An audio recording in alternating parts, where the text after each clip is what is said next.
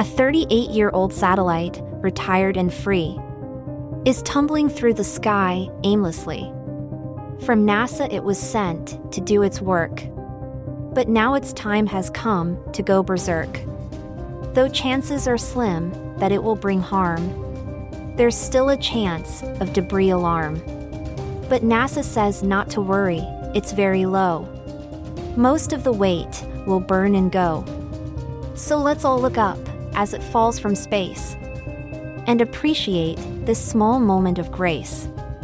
For even though it's old and no longer used, it still has beauty as its reentry is viewed.